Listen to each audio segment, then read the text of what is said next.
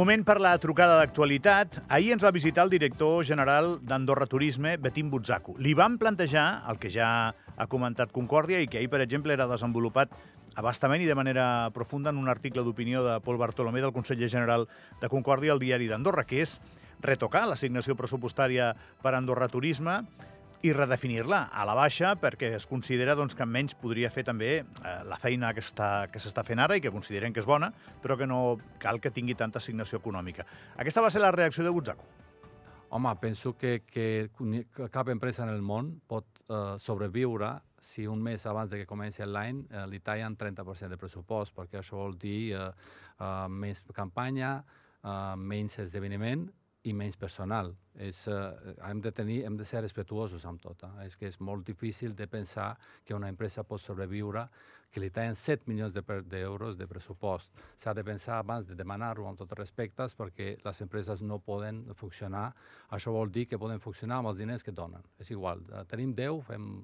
No, hi ha una planificació, eh, quan es demana una xifra realment raonable, pues, òbviament es pot discutir, es pot fer, aquí és indiscutible, perquè no, cap empresa en el món pot funcionar si diuen per una setmana tens 30% menys de pressupost. Mm. I això vol dir menys personal també, que s'ha de tenir en compte, perquè hi ha una part de persones que treballen i que treballen moltes hores allà i tenen una, un objectiu i, uh, i necessiten una mica de respecte. Pol Bartolomé, conseller general de Concòrdia, bon dia. Hola, bon dia. Gràcies per convidar-me a vostè per, per posar-se. Més vostè I de tu, sisplau, que si no se'm fa molt raro que em parleu de vostè encara. És que se'm farà raro a mi també, però és que li faig a tots els consellers, no se m'ho prengui malament, Pol, que he de... No, no, no, no, endavant. He, he de fer categoria amb això, si no ja començarem a triar, a més, a, com a molts els conec, a vostè, a vostè l'he vist de criatura i ara és conseller. Cap problema, cap problema, doncs. A més, vostè i jo ja, ja ens direm de tu quan fem una associació, perquè sí, perquè compartim una experiència. Els dos hem caigut eh, amb un vehicle a dues rodes recentment evidentment, sí, sí. i, i podem fer una... Jo amb un patinet i vostè amb una bicicleta. Però va... Espero que no fos res la teva caiguda, perquè la meva bueno, bueno, va ser més divertida. Les costelles una mica. La seva, la seva més. Però va, centrem-nos, sí, eh, perquè sí. el tema és molt important. Eh? Eh, què li semblen les paraules de Butzaco, Pol? Bé, d'entrada, estic d'acord amb el que planteja de que tallar el pressupost de manera tan brusca d'una empresa una setmana abans de començar el pressupost eh, no és la millor de les opcions. Tanmateix, discrepo en el sentit de que nosaltres fa un any que ho estem anunciant ja. I quan arriba el pressupost, doncs, evidentment, plantegem aquestes esmenes. I això no hagués passat si el pressupost, com en altres països del món, es plantegés dues setmanes abans que acabés l'any. El problema és que Andorra, eh, Andorra aprovem el pressupost quan l'any natural ja ha entrat en vigor. I això genera, doncs, situacions una mica estrambòtiques com la que planteja el senyor Butzaco. També és veritat que eh, respecto enormement als treballadors d'Andorra Turisme, però discrepo amb utilitzar-los com fa el senyor Butzaco amb l'excusa de que, de que mereixen respecte, perquè evidentment nosaltres els donem tot el respecte, simplement plantegem un canvi de paradigma o un model alternatiu i per tant creiem que s'ha de fer una reflexió molt més profunda al respecte. Clar, vostès no tenen majoria i el que fan és fer política, que per això els paguen, no? que és mostrar una posició i, i m'imagino que si no és a la primera, doncs a la segona mirada d'influir. Quin recorregut creu que té aquesta iniciativa de, de, de deixar Andorra Turisme amb menys assignació? Doncs ha tingut molt poc recorregut perquè ràpidament el grup de la majoria s'ha encarregat de, de votar en contra i, per tant, obstaculitzar aquesta, aquesta esmena. Jo li deia a la llarga, crec... fins i tot, Pol, eh? no li deia a la curta, ah, que a la curta sí. més o menys ja ho sabem. Eh? Jo dic, a la llarga creu que això farà forat i serà una cultura diferent, sí. aquest, aquest canvi sí. de paradigma? I tant, i tant. Jo crec que realment a, a Andorra cada cop són més els adeptes que plantegen de que hem d'apostar per un model turístic alternatiu. I, de fet, les dades jo crec que són, són prou reveladores. Andorra és el país d'Europa amb, amb una major densitat turística. És a dir, això vol dir que per habitant i per quilòmetre quadrat som el país d'Europa amb més turistes. A banda d'això, tenim una, un model econòmic, una estructura productiva d'Andorra que al voltant del 50% depèn del sector turístic. D'aquí se'n deriva els, els arguments que utilitza sovint el govern eh, reclamant una major diversificació de l'economia andorrana. Perquè si depenem tant del turisme, en situacions d'inestabilitat global o de xocs externs, eh, l'economia andorrana pateix molt. Uh, des del meu punt de vista, no podem afavorir una major diversificació econòmica si els rendiments que genera el turisme els dediquem íntegrament un altre cop al turisme. És a dir, em sembla, des d'un punt de vista del que és la, la inversió pública, em sembla una molt mala estratègia. Una molt mala estratègia, perquè des del meu punt de vista el que hauríem de fer és dedicar els rendiments o les plusvàlues que genera el sector turístic, en aquest cas la taxa turística, per invertir en aquells sectors que ens agradaria desenvolupar. Si els invertim, en canvi, en el sector turístic al 100%, el que acabem fent és doncs, una mena de peix que es mossega la cua i que cada cop aquesta dependència que tenim envers el turístic, en el sector turístic, perdó, és cada vegada major. És un peix que es mossega la cua, Pol, eh? Sí.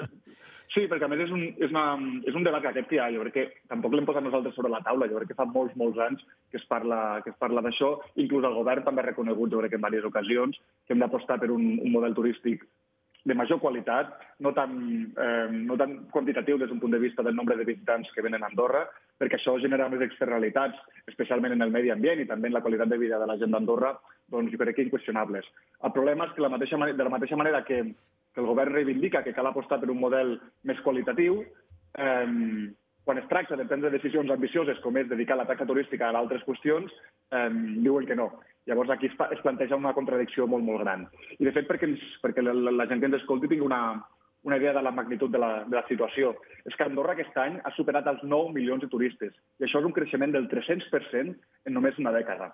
Evidentment, en un país on viuen 80.000 persones amb un territori de 468 quilòmetres quadrats, se'n fa molt difícil plantejar que, que, o, o que no reconeguem de que el nombre de turistes que poden venir a Andorra ha de tenir un sostre.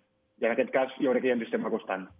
És que tampoc van tan en contra. Si, si escoltem bé Butzaco, que hi va dir un munt de coses, eh, Pol? Sí. Ell, ell ja va dir que més no podem pujar, eh?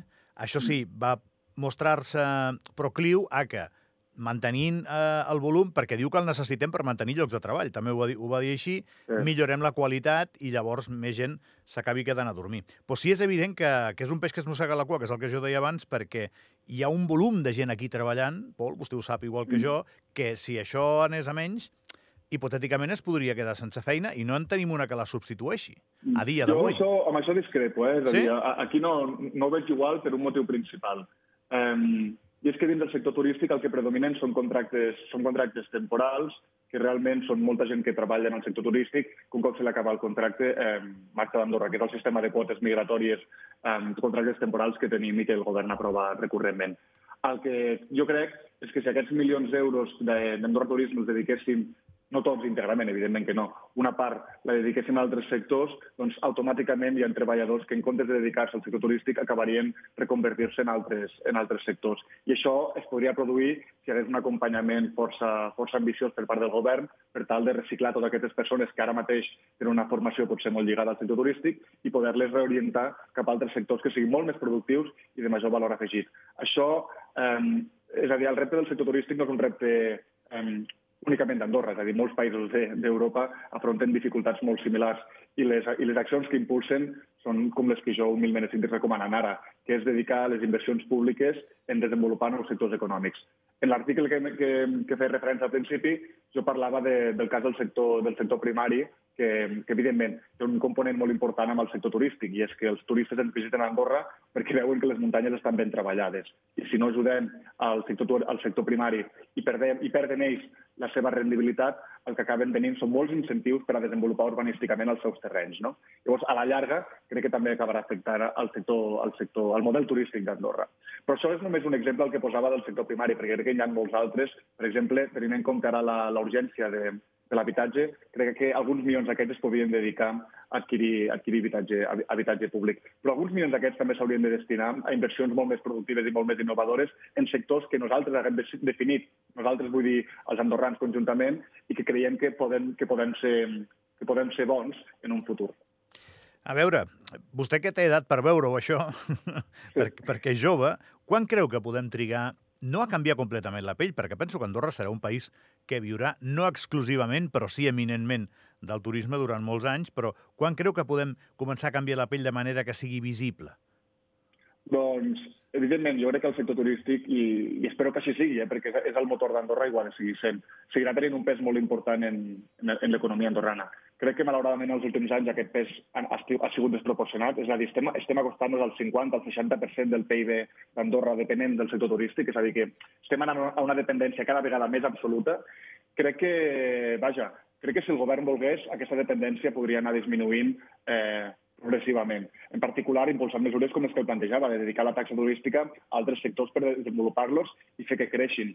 Eh, per tant, crec que és una qüestió més de prioritats polítiques i de voluntat política que no pas un fet de, que, la, que, la, que Andorra funciona així que res es pot fer per canviar-la.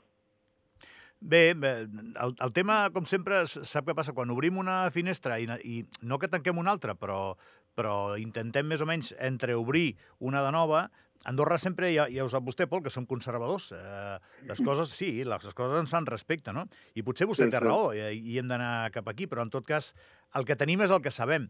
I quan vostè diu Sí. que hem crescut, té tota la raó del món, ho diuen les dades, però és un gronxador, eh? perquè abans de fa 10 anys ja hi érem pràcticament els 9, els 9 milions. Eh? No estàvem molt lluny. Eh? O sigui, havíem baixat i ara hem tornat a pujar, no? I hem pujat més amunt que mai. Això sí que, que és veritat. I el que jo li deia ahir a Butzaco és que no, no sé fins on arribarem. És dir, no sé on està el límit perquè el boca-orella funciona, igual l'any que ve seran 10 milions. És que no tinc ni idea.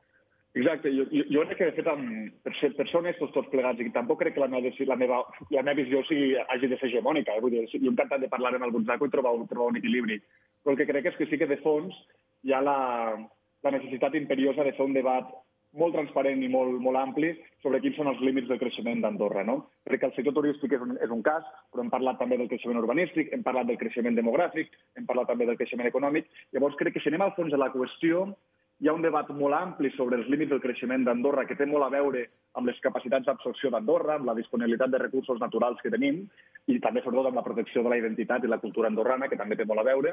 Crec que, crec que aquest debat no es pot, no es pot o no s'hauria de, de posposar molt més temps. Crec que és un debat que és urgent, que és necessari que el prenguem ara, perquè el que no podem fer és esperar un any més i que l'any que ve ens vinguin 10 milions de turistes i dir, ai, potser hem arribat al límit. No? Crec que és molt més interessant que afrontem aquest debat, aquest debat moments abans o molt abans de que arribem al nostre límit, per evitar, evidentment, que, sigui un, que tingui un efecte irreversible per, per Andorra.